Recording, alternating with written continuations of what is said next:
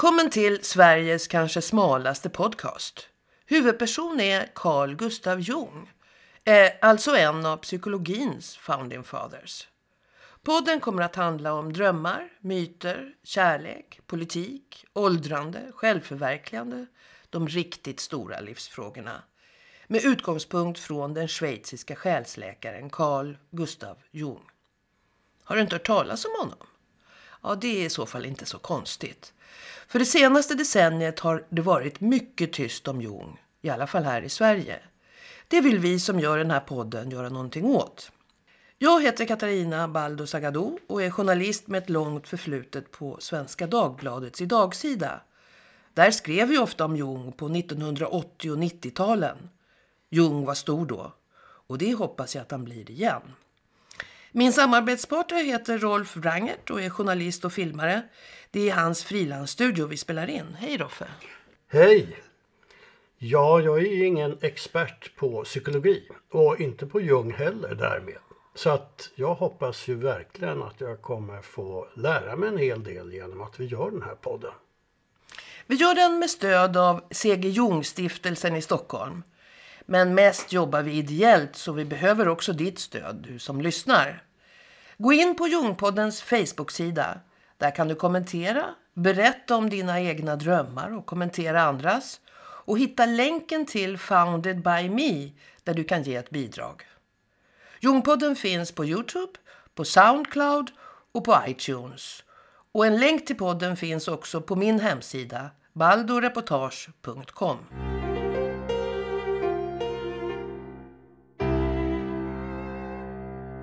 Do you remember the occasion when you first felt consciousness of your own individual self?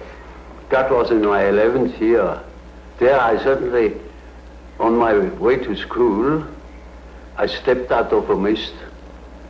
It was just as if I had been in a mist, walking in a mist, and I stepped out of it and I knew I am. Ja, så där lät han. I klippet hörde vi hur han berättade själv om hur han som 11-åring upptäckte sitt eget medvetande. Men eh, vi måste backa lite. Vem var nu Carl Gustav Jung? Vilka var hans viktigaste tankar? Vilken betydelse har han i vårt dagliga liv? Här kommer en liten uppdatering. Carl Gustav Jung föddes den 26 juli 1875 i Kessville på den schweiziska sidan av Konstanssjön. Hans far var bypastorn Paul Achilles Jung. Hans mor hette Emily. Han var döpt efter sin farfar Carl Gustav Jung som var rektor vid universitetet i Basel. Och enligt legenden ska han ha varit Goethes oäkta son. Jungs morfar var också en välkänd person, Samuel Preiswerk. En excentrisk teolog som ägnade sitt liv åt att studera hebreiska eftersom han ansåg att det var det språk som talades i himlen. I sin biografi Minnen, drömmar, reflektioner beskriver Jung atmosfären i barndomshemmet som spänd och melankolisk. Föräldrarna hade skilda sovrum och kom inte överens. Karl sov tillsammans med sin far. När han var tre fick hans mamma ett nervsammanbrott och var tvungen att ligga på sjukhus i flera månader. Lille Karl hade hemska mardrömmar under tiden.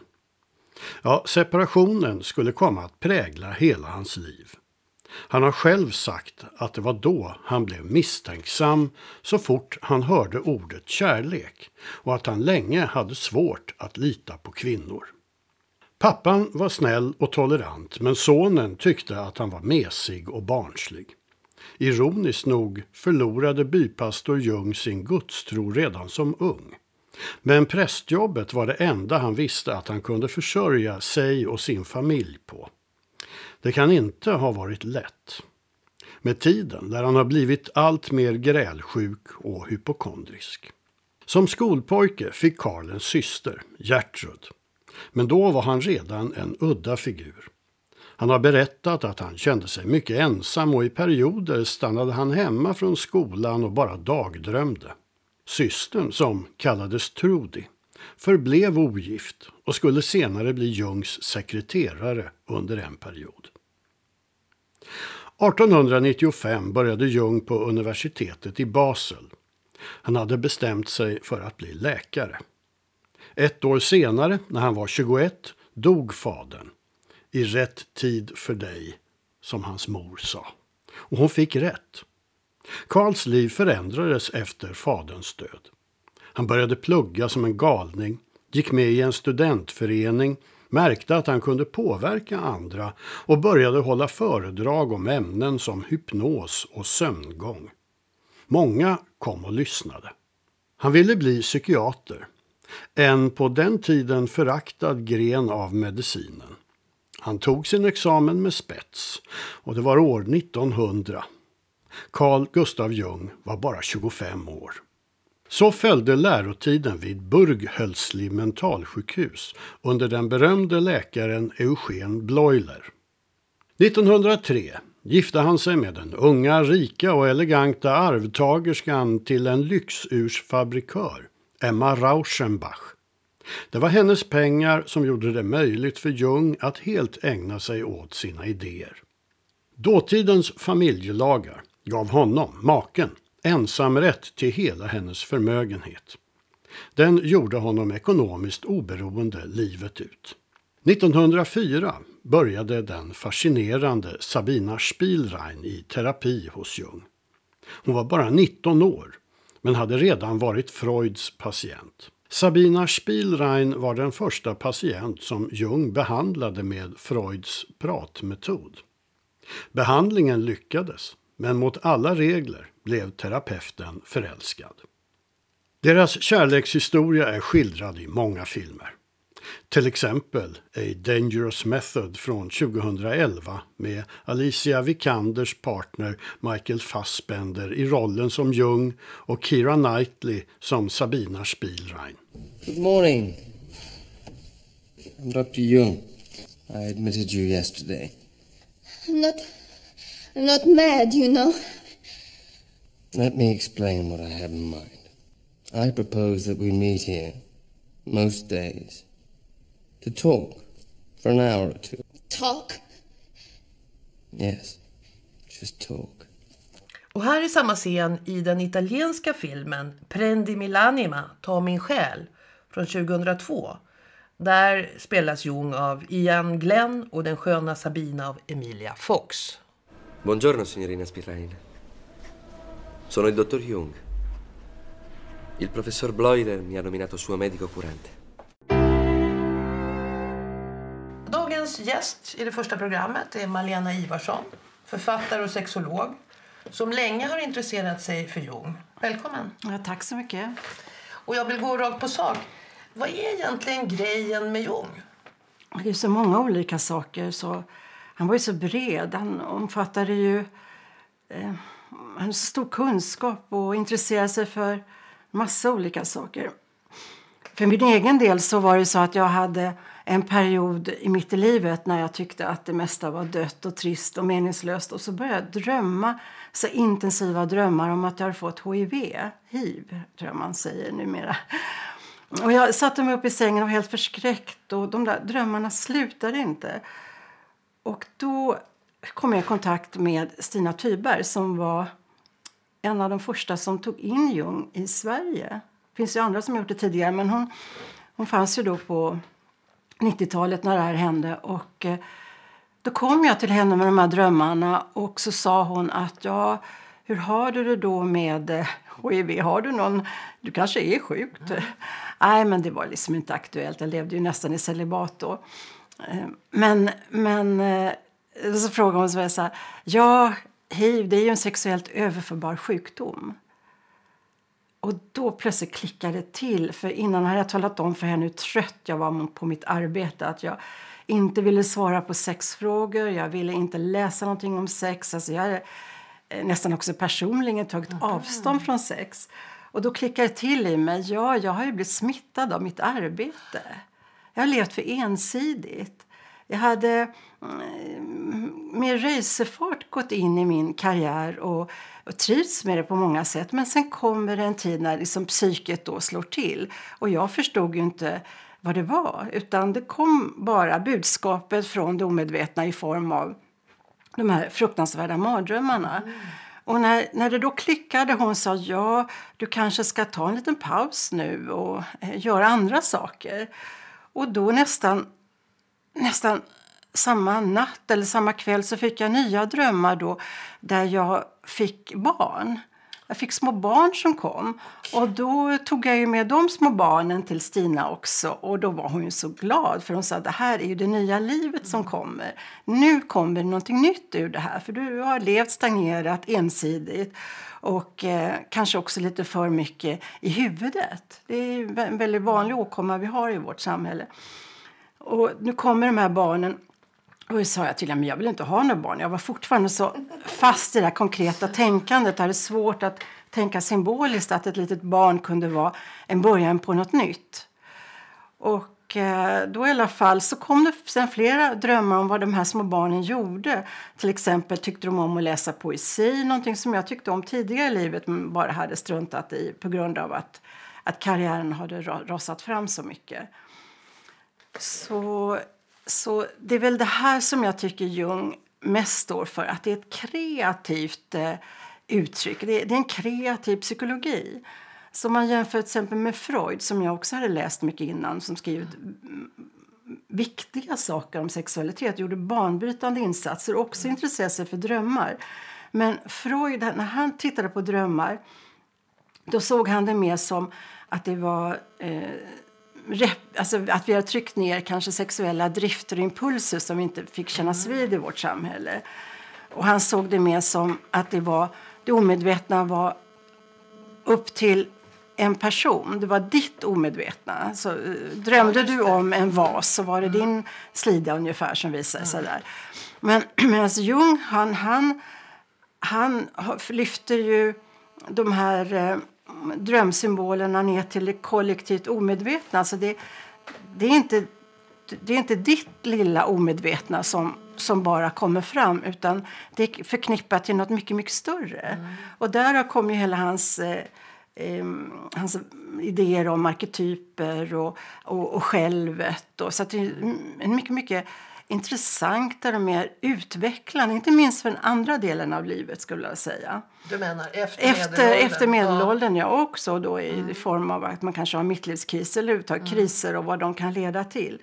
Så när jag tänker på, på Freud och Jung så kan man tänka sig som så här isberg som finns i havet. Och då är det Freud han knackar på den översta toppen och håller på där. Medan Jung han dyker ner, rakt ner i havet och lyfter upp de här skatterna skatterna som finns där. Där finns ju både gott och ont och mörkt. Det finns liksom allting. Mm. Och där finns också alla potentialer. Mm. Alla möjligheter. Det talar man inte så mycket om i, i, i psykodynamisk eh, terapi.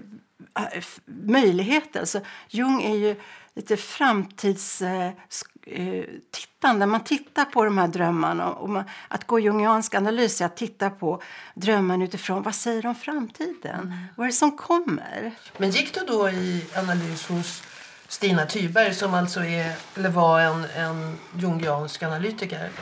Ja, precis. Stina Tyberg hade i sin tur gått hos Marie-Louise Frans som i sin tur var eh, en elev till Jung. Och eh, jag gick hos Stina i sex, sju år och sen okay. Eh, blev jag så tagen av det här så jag åkte och även till Zürich och var där och studerade ett halvår ungefär. Mm.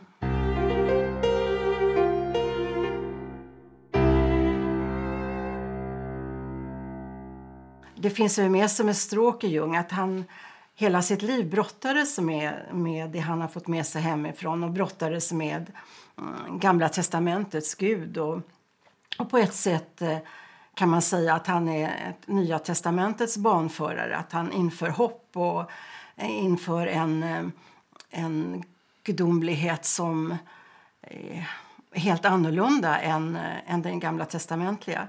Det, där gör han ju upp i, i boken om Svar till jobb. Mm. Där han går igenom, man ser att Javé är en hämmande, fruktansvärd mm. Och eh, nu säger han ju på andra ställen att hans pappa var väldigt mild och, mm. och, men att han inte trodde. Ja, han det. tvivlade själv. Och det är klart att då lämnar man kanske över ett arv till sina barn av att försöka ta reda på vad var det som pappan inte trodde på. Fanns det någonting att tro på? Ja, just det. Jag tycker många gånger att jag tänkt på det själv i mitt liv. Det här att jag har levt mina föräldrars olevda liv. Till exempel kommer jag också från en prästfamilj och där är ju mammon och sex det mest förbjudna. Ja, just det. Precis. Så jag har alltid varit intresserad av att tjäna pengar. Särskilt den första delen av livet.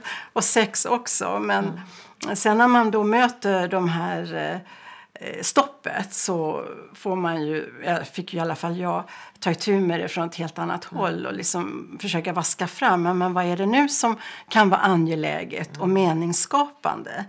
Där, där har ju Jung mycket att säga om lidande till exempel. att eh, om, om, man inte upplever mening eh, med livet så, så kan det bli en slags neuros och en slags mm. lidande. Mm. Alltså det är så viktigt att känna att man är i samklang med sig själv. Lyckades du hitta det då? När, du sa ju att när du började gå i terapi så var det tomt och ödsligt och du hade ingen mening. Men ledde den här nya kontakten med, din, med Stina Thyberg och Jung till att du själv eh, kom ur den där svackan? Alltså jag hade en islossning som pågick under tog väldigt lång tid. Det var mycket som var så nerfruset som jag hade ehm, skalat bort eh, i, i, form av att känna mig lite mer levande. Alltså det var så mycket där som, eh, som jag behövde vänta ut. Det var väldigt, väldigt mycket väntande egentligen.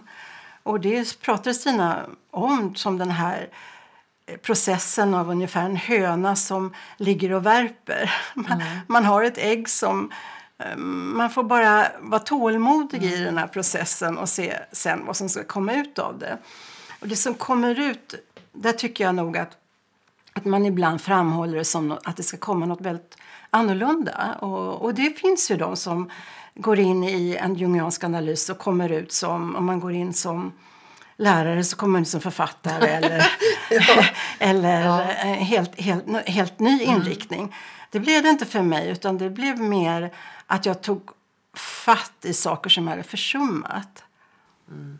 Och, det här är, är det lite mer, om man säger att han berättade i klippet där någonting om hur, han hittar sig själv. Eh, handlar det mycket om att hitta sig själv som person? Den man på något sätt i grunden, någon sorts grundstadium är? Eller? Alltså Jung har ju det, det här sättet att se på psyket som att det finns två instanser. Det finns ett, en jag-funktion, eller ego eh, som är ett komplex bland många andra. Det är inte ego i den märkelse som vi brukar säga egostyrd eller ego, eh, bara ego ungefär. Utan det är, det är en, en, funktion i jaget. Men det är inte den enda, utan det finns en annan kraft också som man kallar för självet. Och om man inte har kontakt med självet, som jag verkligen inte hade då när jag var i min mittlivskris, då, då finns det inget flöde, det finns ingen kreativitet. Och eh, en stor del av den här processen går ut på att, att jaget så att säga, får underkasta sig självet. Så att eh, man upprättar en dialog där och självet får ta över. Det är ungefär som att, tänk dig att, man, att du kör en häst häst och vagn och så sitter du där och har tömmarna och är på väg. Och så plötsligt knackar någon på där ovanifrån och tar över tömmarna. Mm. Och just den där processen, övertagandet av tömmarna är väldigt plågsam. För då känner, känns, har man inget riktigt jag längre, eller man måste släppa det. Och det är det som man brukar kalla för själens eh, mörka natt och sådana saker. Och den är en plågsam process, men sen när självet tar över så blir, ju, blir det ju mer en dialog och en mer så att säga, känna efter vad, vad händer nu och, och, och självet visar sig ofta i drömmar. Eller som att när man kommer in på någonting som går lätt i livet, då öppnas bara dörrar. Då är det självet som man har kommit i kontakt med. Det snurrar på ganska lätt då. Till exempel vid ett tillfälle under den här tiden så tog jag emot fyra praktikanter från Socialhögskolan. Och, och det var någonting som, som kom fram via sådana här eh, intuitioner eller drömmar att jag skulle göra det. Och den perioden var väldigt lekande lätt. Det var inte alls svårt fast många tyckte fyra praktikanter, hur ska du orka med det? Men då tyckte jag fyra var en bra siffra och, och jag var så inne på det symboliska då. Och det, det var så lätt. Vi hade så roligt. Så att det, när, man, när man kommer in i det här att det inte är någon ansträngning det man gör, då kan man vara ganska säker på att, själv, att man är i, i takt med självet. Men vänta, nu behöver vi lite mer Jung-fakta. 1907 träffade Jung själv Sigmund Freud i Wien. I Freuds ikoniska lägenhet med divanen på Bergsgasse nummer 19. Deras första samtal pågick oavbrutet i 13 timmar. En tacksam scen i filmen om triangeldramat mellan Jung, Freud och Sabina Spielrein. På den tiden var Jung alltså freudian. Och Freud själv såg honom som den person som skulle sprida den nya vetenskapen psykoanalys över hela världen. 1909 köpte paret Jung en tomt nära Zürichsjön och tillsammans med en kusin som var arkitekt ritade Carl Gustav Jung själv det hus i Küsnacht som familjen flyttade in i. 1913 kom den dramatiska brytningen mellan Jung och Freud. Året innan hade Freud utsett Jung till sin kronprins. Nu talade de överhuvudtaget inte med varandra. Freud var 19 år äldre än Jung, som nu var 38 och började bli berömd. Efter skilsmässan från Freud drabbades Jung av en djup medelålderskris som varade i nästan 15 år. Tidvis isolerade han sig. Han fick visioner och hörde röster. Och han skrev ner allt i små anteckningsböcker som senare skulle ligga till grund för många av hans teorier om människans inre. Det var nu han blev jungian. Och i hans värld var inte sexualiteten människans främsta drivkraft som hos Freud. De hade också helt olika uppfattningar om vad det omedvetna egentligen är. När jag ser det här med hans bakgrund och det här med olevda liv att han tog ju också, han tog ju också det här olevda livet genom att gifta sig med en mm. jätterik kvinna. Mm.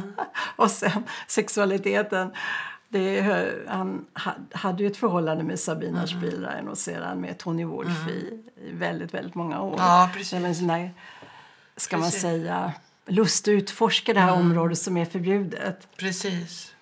Vi, Eller försöka inkorporera det i sig själv.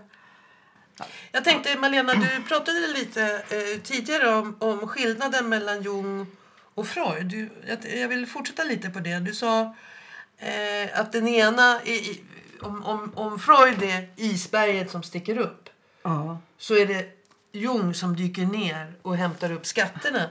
Eh, det är en jättefin bild men den kanske kan vara lite svår att förstå. Ska vi eh, för det, ja. där finns ju en skillnad det här med det kollektivt omedvetna, det här begreppet som Jung introducerar. Hur ska vi förklara det? Det är ju den stora skillnaden. menar, om, om du kom med en dröm till Freud, säg att du drömmer om något. Ska du hitta på något som du drömmer om? Ja, jag brukar själv till exempel att drömma om att resa på olika sätt. Jag åker på olika tåg hit och dit. Jag har ingen biljett. Tåg? Jag kommer fel ja, då, station. Då, då, då, kommer han att fråga dig eh, om samlag. Tåg som går in och ut i tunnlar. Och så, så kanske han, du pratar lite grann mer om ditt eh, förhållande till tåg. Mm. Men det är ditt förhållande till tåg. Om du kommer med, till Jung med samma dröm, mm. att du vill ut och resa och tåg, så tar han det på ett helt annat sätt. att du får associera med mm, vad betyder tåg för dig och vad betyder resande för dig. Och så kanske han kommer ner till hjältens resa som mm. då är en arketyp. Och, och han, han kommer in till det som... En del av det som du drömmer är inte bara dina drömmar. Det, det är ju det här som är den stora upptäckten. Alltså att vi individer är inte bara separata individer. Vi lever i en värld där vi tror att vi är eh, separerad. Alltså här är jag, här är världen. Mm. Medan Jung menar så här att eh, vi har en uppkoppling till något större som då visar sig i, i det kollektivt mm. omedvetna. Mm. Och den här insikten fick han ju till exempel genom att han åkte och studerade primitiva folk i Afrika och han åkte till Indien och han studerade framförallt folks drömmar, de här som han mötte på mentalsjukhuset i Burghölzli. Att de, de kom igen vissa teman, till exempel om solen. Och, och så åkte han till Afrika och såg han där hade man samma teman. Mm. Och då, då drog han de här slutsatserna att det fanns något som binder ihop oss alla mm. människor. Alltså att, att vi, mänskligheten har ett omedvetet som vi delar med varandra. Delar, ja, och som styr vår, vår, vår mm. framtid också. Om du vill mm. veta någonting om vad som kommer hända i framtiden så kan du genom att titta på folks drömmar, få en inblick i det. Vart är vi på väg? För där finns liksom framåtriktningen. Så man skulle kunna säga tidsandan som vi till exempel ser idag då av i alla fall vi som är lite äldre som kommer ihåg hur det var på 60-talet där det var hopp och fantasin till makten och det var tolerans. Och idag ser vi nästan dess motsats, eller hur? Kontroll, starka ledare, behärskning och, och så vidare. Att det här tidsandan skulle kunna vara ett uttryck för ett kollektivt omedvetet som mänskligheten har då. Ja, till, till exempel Jung då, början på, innan första världskriget så hade han ju såna syner där han upplevde att hela Europa var i ett blodbad. Och då satt han förresten på ett tåg när han fick de här synerna. Och, och sen, han, han blev riktigt rädd och trodde att han höll på att bli tokig.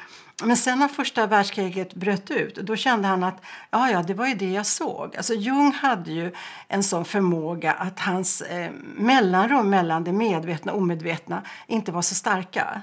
Man tror ju den här perioden då eh, från första världskriget 1913 och några år framöver när han skrev den röda boken. Mm. Att det var någon slags psykosliknande tillstånd mm. som han befann sig Så han fick ju ofta upprepa för sig själv.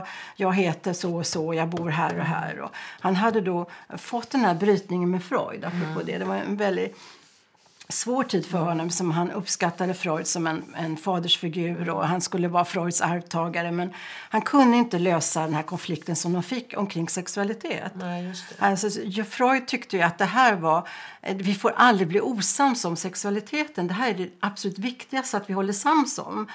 Och det kunde inte Jung köpa för han hade redan då förstått att eh, det var inte det som låg nedtryckt hos människor utan det fanns så mycket annat också mm. som, som han menar hade ett kollektivt omedvetet. Men då kommer vi till det här andra som jag hade skrivit upp på min lista här. Eh, som skillnaden mellan de två. När det gäller synen på psykisk ohälsa som man kallar det för idag. Alltså om man säger att Freud ser det som nedtryckta drifter. Så talar ju eh, Jung, eller hur, om att också de här kriserna eh, har en slags mening, ett budskap till oss. Eller har jag fattat fel? Ja, Jung menar att vi människor är meningsskapande individer. Vi behöver känna mening i vår tillvaro. Får vi inte uppleva det, då blir vi neurotiska. Och, och, och om, om, vi lever liv där vi inte tas i anspråk är också en väldigt viktig sak. För, eh, för Freud var det ju det att eh, de, de här kvinnorna som kom till honom och som han började med sin pratterapi, de eh, han, han hade ju... Ja, man får ju se det som så att eh, man var, kunde ju inte så mycket. Och han hade ju så många tokiga saker om sexualitet också som till exempel den kvinnliga orgasmen, att det var något omoget att ha en klitorisorgasm. Mm. Och när man väl hade gått i analys skulle man få en vaginal orgasm. Mm. Alltså det, det var så enormt fokus på sexualitet. Och varför var det det? Ja, man hade ju inte undersökt det tidigare. Så det är klart att det det, det fascinerade honom och han trodde att det var det enda. I och för sig så var han ju också intresserad av arkeologi och, och han, han skapade Oidipus, eh, mm. Oidipusbegreppet mm. och det säger då Jungian, ja men det var ju den enda arketypen han intresserade mm. sig för och den handlar ju också då om sex. Medan, medan Jung är så mycket bredare och eh, har mycket mer tycker jag att säga om vår tid, alltså om vad, vad, som är psykisk ohälsa, det här att vi lever så mycket i en perfektionsstress. Och han, han såg ju in, det som att vara imperfekt, alltså att inte vara så lyckad, det var jättebra. Då börjar man där. Mm. Vad är det du har tryckt undan? Mm, vad är det som behöver komma fram? Ja, vad är det du inte vill se? Det ska du eh, välsigna, så att mm. säga.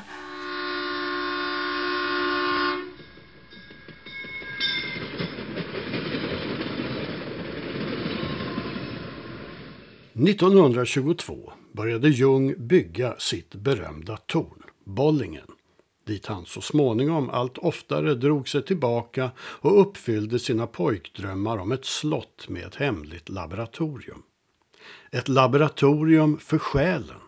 I sin självbiografi beskriver han Bollingen som en bild av sig själv. En konkret bild i sten. Till Jungs hem i Küsnacht, där han också hade sin mottagning, kom nu en ständig ström av patienter. En berömd analysand på den här tiden var nobelpristagaren i litteratur Hermann Hesse. Men de flesta var kvinnor, ofta med gott om pengar, ofta utan större psykiska problem.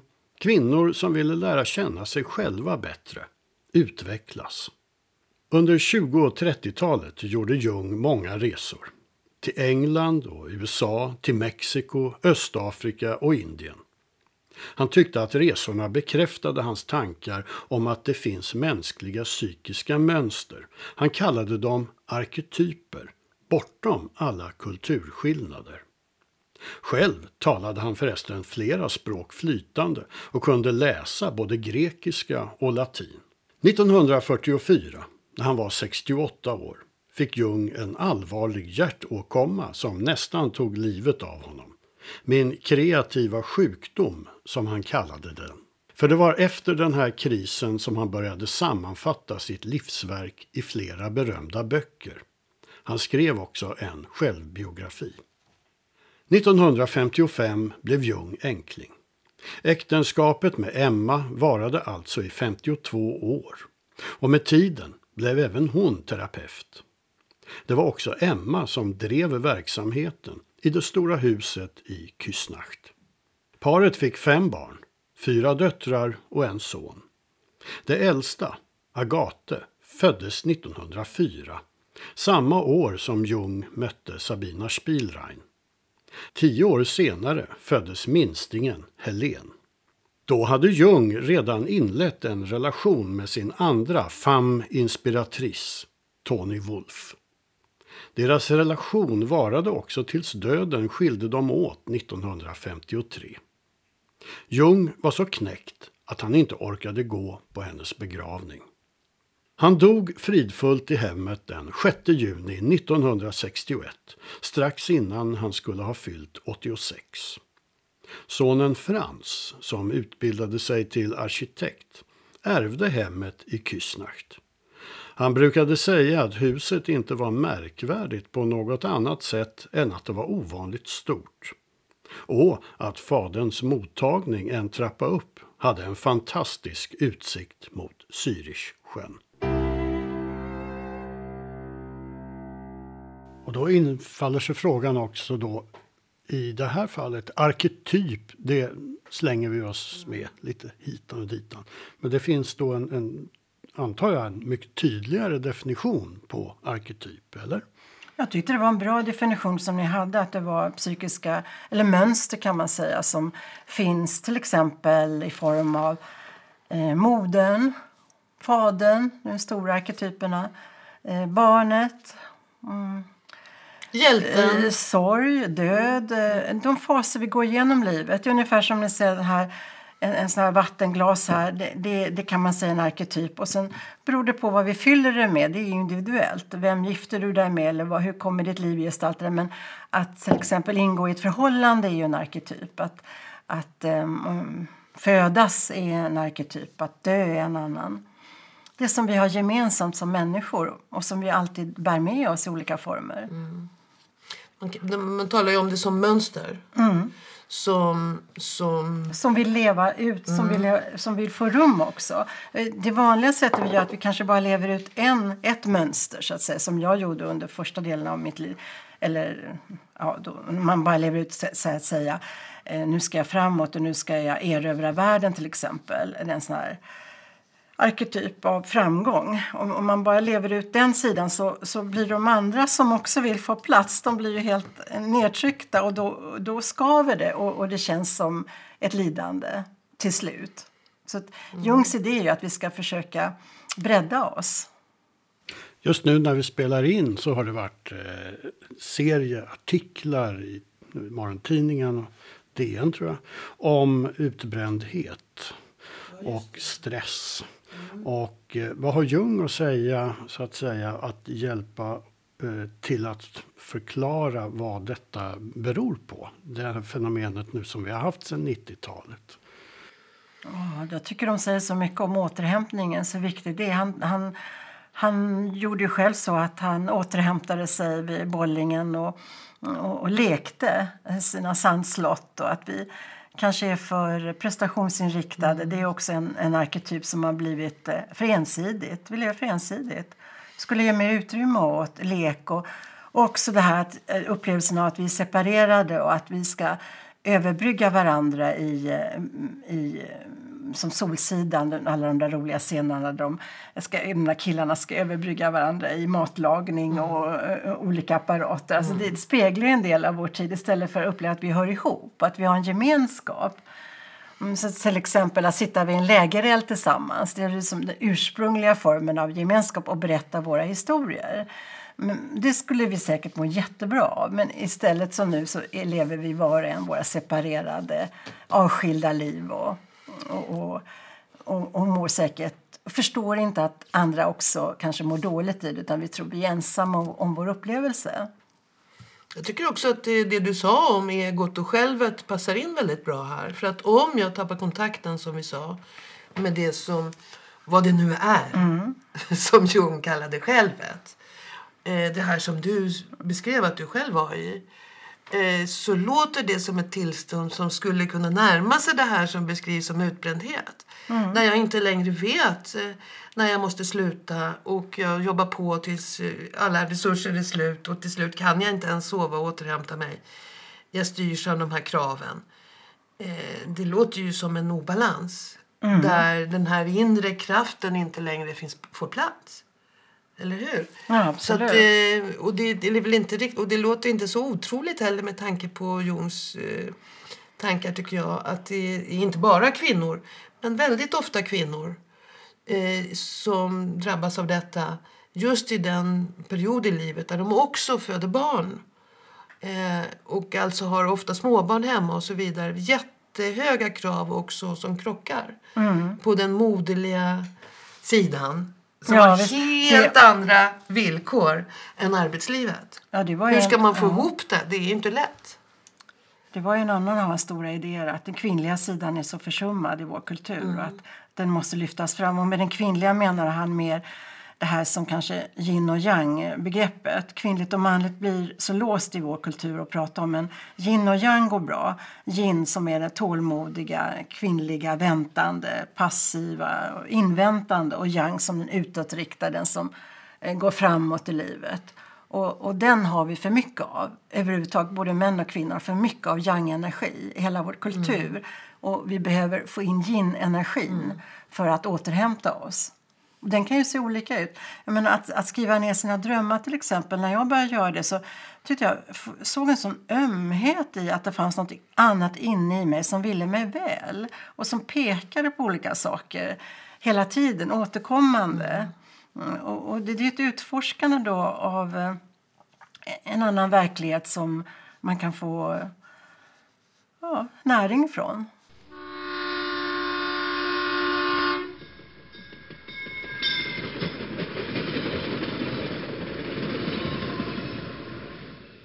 Får jag fråga en sak om Jung idag? Då?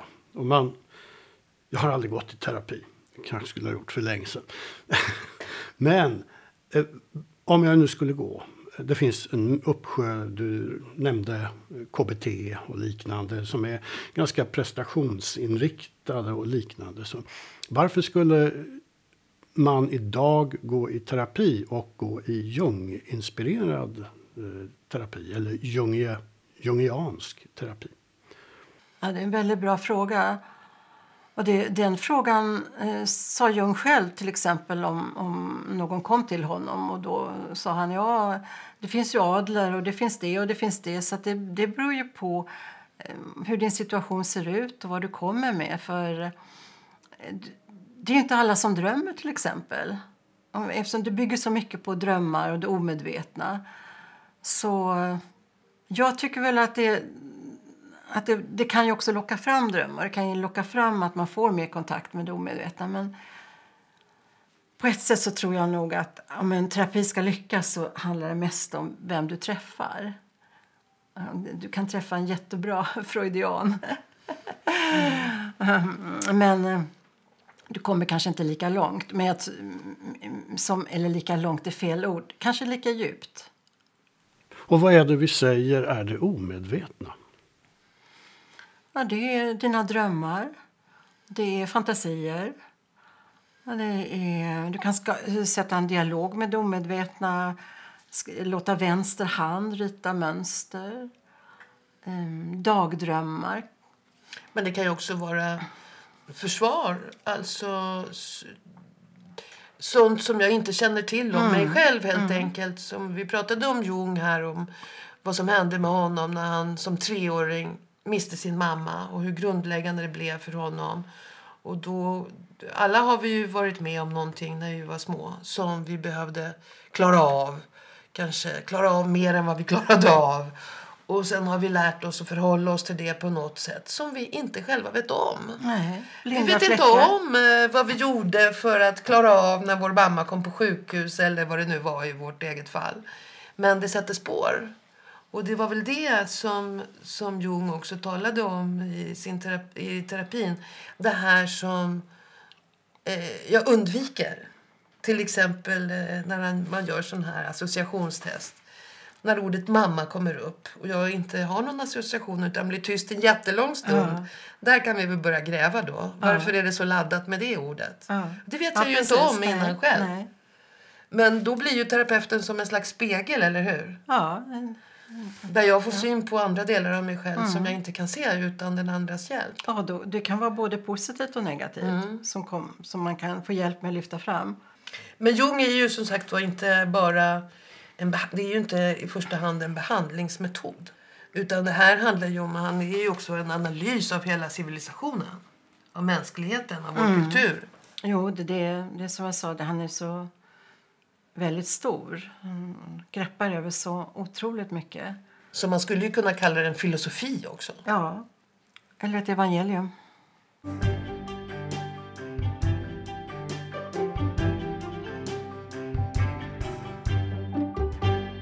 Dags att runda av. Nästa avsnitt av Jungpodden kommer om ungefär en månad. Det kommer en, eh, att handla då om Jung och politik. Om och med den engelska jungianska terapeut som hjälpte Obama att bli president. Men vad säger han idag? Missa inte det. Du hittar oss också på Facebook. Där kan du lämna synpunkter som vi gärna tar upp här i podden. Och gärna skriv om dina egna drömmar och kanske hjälp någon att tolka deras drömmar. Och för dig som vill läsa mer, här är två boktips. Då kan vi till exempel ta Anthony Stevens, Jung, A Very Short Introduction. Och den finns också som e-bok. Och titta på Jung själv på Youtube. Sök då efter Jung Face to Face, en BBC-intervju gjord 1959, endast två år före hans död. Och nu säger Roffe och jag hej då på återhörande. Hej då!